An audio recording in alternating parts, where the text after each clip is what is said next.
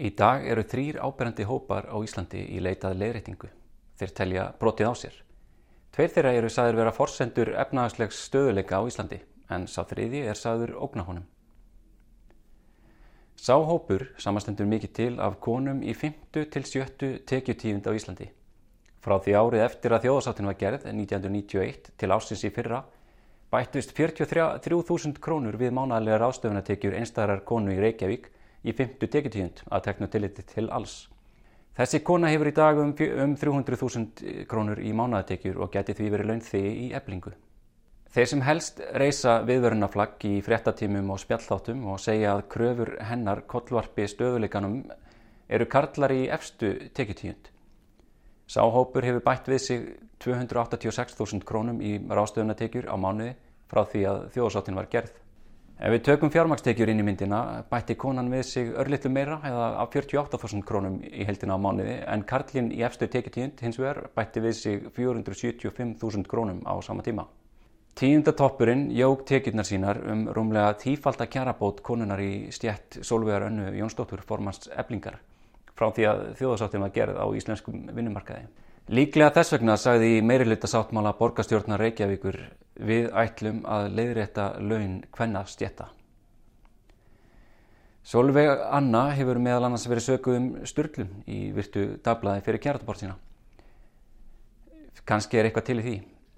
Fyrir mannesku sem á erfitt með að framfleyta sér og börnunum og er farin að upplifa verulega skerðingu og frelsi vegna lára launa eru kjæramál ekki bara raugraða heldur líka tilfinningamál. Það er ekki út frá reynum rökum sem fólk upplifir óþægindi eða jafnvel köpnunartilfinningu við tilhugsunna um allar afleðingar vanskila og niður skurðar. Þegar tíundatopparnir hjá samtökum atvinnulífsins og viðskiptaráði ræða hins vegar um að hagnaðar hlutfall fyrirtækja skerðist við launahækkanir, að það er leiði til verðbolgu eða jafnvel atvinnuleysis eins og í útlandum, eru þeir að tala um huglegar hugmyndir og kenningar en ekki alvarlega ógn við velferð og framtíð sína og barnana sinna. Mingandi innlend fjárfesting sem væri velhægt að kenna eflingarkonunum um ef þær eittu ekki bara öllum sínum pinningum í að láta hjól efnaðarslífsins snúast í stað þess að kaupa skíðaskála og snekju í Evrópu er ekki það fyrsta sem fólki kemur til hugar þegar börnin eiga ekki herbergi og íþróttunar kosta á mikið fyrir þau. Þessir hópar tala hvorir sitt tungumálið. Það er vissulega breyting frá því sem var frá fyrri verkefliðsbóristu sem samanstu aðalega af tíundatoppum. Sem dæmi lækkaði Solveig Anna launin sín um 300.000 krónur árið 2018 niður í 870.000 krónur á mánuði. Til samaburðar tróndi Gilvi Artbjörnsson fyrirhundi fórseti Alþegið sambands Íslands í topp tekju tíund með tæpar 1,5 miljónir króna í mánuðalun árið 2017 samkvæmt svari hans við fyrirspurt stundarinnar þá. Það er talað um höfrungarhlaup þegar einn hópur laun þegar fær launahækkanir og aðrir vilja fylgja á eftir eins og dóminokupar. Með að við orðræðina er ómögulegt fyrir verst launuðu stjettirnar að hýfa sig upp. Það er bara hagfræðileg staðrænt að barnið getur ekki fengið herbergi og sumafríði verður að vera innabæjar. Annar hópur íslendinga sem leitar leiritingar og réttlætis er sjálfstæðisflokkurinn. Undanfarið hefur hann háð harða baratu gegn því að Íslands réttakerfi fái aðhald frá mannréttindadónstól Evrópu eftir að dómsmálar á þeirra úr flokknum braut stjórnsýslulög við skipin dómar í landsrétt. Ráþurran saðist hafa ætlað að fjölga konum í landsrétti með því að handvelja nokkra umsækjendur sem voru ekki metnir hæfastir, meðal annars eiginmann fyrirhandi samstafskonu hennar. Innan gæstlapa, niðurstaða mannréttindadómstólsins hefur ekki bein réttar áhrif á Íslandi, sagði Bjarni Benediktsson, formaður sjálfstæðsflokksins á dögunum.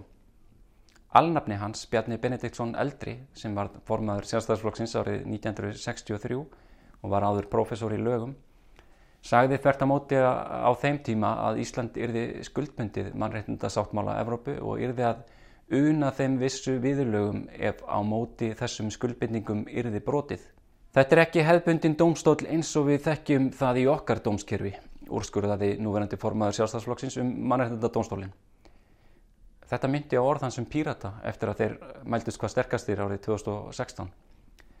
Mér finnst þetta varðla að vera stjórnmálaflokkur, saði hann þá.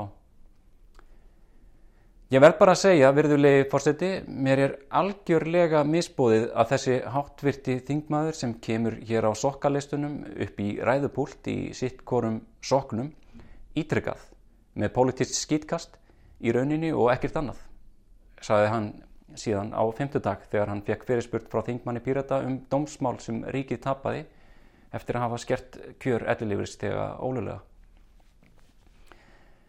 Bjarni Benediktsson samtímans var líka svo litið á skjön við lagaprofessorin nafna hans í anstöðu sinni við landstóm. Eh, Bjarni Benediktsson eldri laði sjálfur fram frumarpið um lög um landstóm og lög um ráþæra ábyrð árið 1962 að norrætni fyrirmynd. Þegar loksins reyndi á ákeru til landstóms eftir efnaðsörunni 2008 lagði Bjarni Benediktsson yngri fram frumarpum að afturkalla ákeruna þótt engin heimild væri til þessi í lögunum. Mér blöskrar, saði Bjarni Yngri síðan eh, um að lögunum var fyllt og forverið hans, Geir Há Horti, fór fyrir landstóm vegna efnaðsrunnsins. Eftir að fjölskypaði landstómur komst að því að Geir hefði brotið gegn stjórnaskramni með því að búið ekki til ríkisjórnarfundar um mikilsvert mál, sagði Geir að dómurinn var í fáránlegur og spreng hlægilegur. Geir leitaði síðan réttlætis eftir dóminn og kerði hann til mannreitndadómstóls Evrópu en tapaði málinu. Leit sjálfstæðsflokksins nú að leiðrætningu og réttlætti fyrir yfirdelt mannréttindadómstólsins nýtur stuðnings ríkistjórnar Póllands sem vil fá meira sveirum til að afnema sjálfstæði dómstóla og grafa undan mannréttindum í misa hópa. Formaður Dómarafélags Íslands sá ástæði til þess að lýsa yfir sérstökum áhyggjum af þessu samneiti íslenskra stjórnvalda með laga og réttlættisfloknum í Pólandi. Íslensk stjórnvöld eiga að forðast slíkan félagskap eins og heitan eldin, sagði hann. Í umræðu um kjör eblingarfólksins er gerðan vísa til ómöguleikans sem minnir örlítið á pólitískan ómöguleika sem formaður sjálfstæðisflokksins vísaði til þegar hann kausa standa ekki við marggefin lofórð fyrir kostningarna 2013 um að láta þjóðina kjósa beint um framhald aðeldavirna við Evrópussambandið. Og réttlætið endur speglast líka í stjórnarskrármálunni þar sem þjóðin fekk þó að kjósa um stjórnarskrá að fyrirmynd eh, framsáknarflokksins og sjálfstæðisflokksins rétt, eh, rétt eftir sjálfstæði Íslands og rétt eftir að stjórnarskráin var sett. Þjóðaratkvæðagreislan eh, var hins vegar núliruð af flokkunum sem tölu þó fyrir öðrum þjóðaratkvæðagreislum um leið og þeir sveiku lofar sitt um þá þriðju.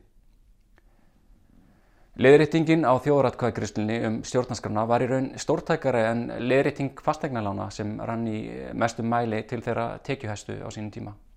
Þriði hópurinn sem leitar réttlætis og leðréttingar þessa dagana er, eru stjórnendur samherja. Leit þeirra að réttlæti fælst helst í því að hóta ymsum aðalum fangilsisvist bæði embætismennum og, og fjölmjölafólki. Þásteinn Már Baldvinsson, forstjóri samherja, kallaði ítrekka eftir fangelsun selabankastjórans síðustu misseri Áður en byrta eh, voru upplýsingar um að Samherji hefði greitt stjórnmála á embættismönnum í Namibíu mútur til að komast yfir fiskveðikvota. Eftir að þetta var rifjað stöktlega upp í, í tíu fréttum rúf á dögunum með þeim orðum að um hefði verið að ræða mútur, sendi Samherji tólf einstaklingum tengdum ríkisútarfinu lögfræðibref og let fylgja með hótun um alltaf tveggja ára fangilsir fyrst fengi Samherji ekki tafarlösa leðrætningu. Samherji leti ekki næja að vísa til hefningarlaga heldur fullirti lögfræðingur útgerðarnar í brefi sínu að frettamæður Rúf hefði brotið síðareglur með því að bjóða Samherja ekki að svara fyrir mútugreysnunar. Líklega er hins vegar flestum í fersku minni að fórstjórin valdi að tjá sig um veðrið og smega sér inn á kaffihús í stað þess að ræða við kveik um greislur Samherja í vasa fyrirgrendra aðela. Þótt tíu einstaklingar hafi verið ákerðir eða fangelsaðir í Namibíu meðal annars fyrir að þykja mútur frá Samherja og frangatastjóri Samherja í Namibíu hafi játa mútugreislunar og sínt að verið fram á millifærslu sem sérfræðingar í mútugreislum flokkafundi mútugreislur eru stjórnendur Samherja eini hópurinn af þessum þremur sem hefur náð fram leiðréttingu. Það sem fréttastofa Rúf ákvaða verða við kröfu Samherja um að leiðrétta fulleringu um að félagi hefði stundað mútugreislur á þeim grundvelli að engin starfsmæður félagsins væri með formlega réttarstöðu grunas eða hefði verið dæmtur fyrir mótugreislunar. Í samherjamálinu var í þessari viku innsiklaður nýr sannleikur á grunni hreitnar lagahyggju að nota einfalt og skiljanlegt orðalag um aðtæfi sem taldist, e, talist hefur glæpsamlegt í Afrikuríki er þannig glæpur á Íslandi. Glæpurinn hefur formulega verið færiður frá geranda yfir að þá sem segja frá honum. Í hverju mánuði eigum við viðskipti með peninga, aðtapnir, hugsanir og tilfinningar. Ef allir eru frjálsir, njóta réttinda og beita góðri domgreind má búast við því að við nálgunst réttlætið með leiritingum hér og þar eftir því sem á liður. Það má líka búast við því að hópar beiti völdum sínum til að yfirtaka þetta ferli, til dæmis með því að þrengja frelsi og virði annara eða ná tökum á tungumálinu. Því ránglætið ríkir bara til lengdar ef tungumálið er yfirtekið. Áallega er að Sameri hafi hagnast um 10 miljardar króna á Afrikavöðunum sem átti sér stað samhliða því að Sameri flutti fyrir yfir í vasa einstaklinga í nefnbiska stjórnkerfinu. Það jafngildir 43.000 króna kjarabót 19.400 verkakvenna í 50 tekjutíund frá þjóðasáttasamningunum á einu ári.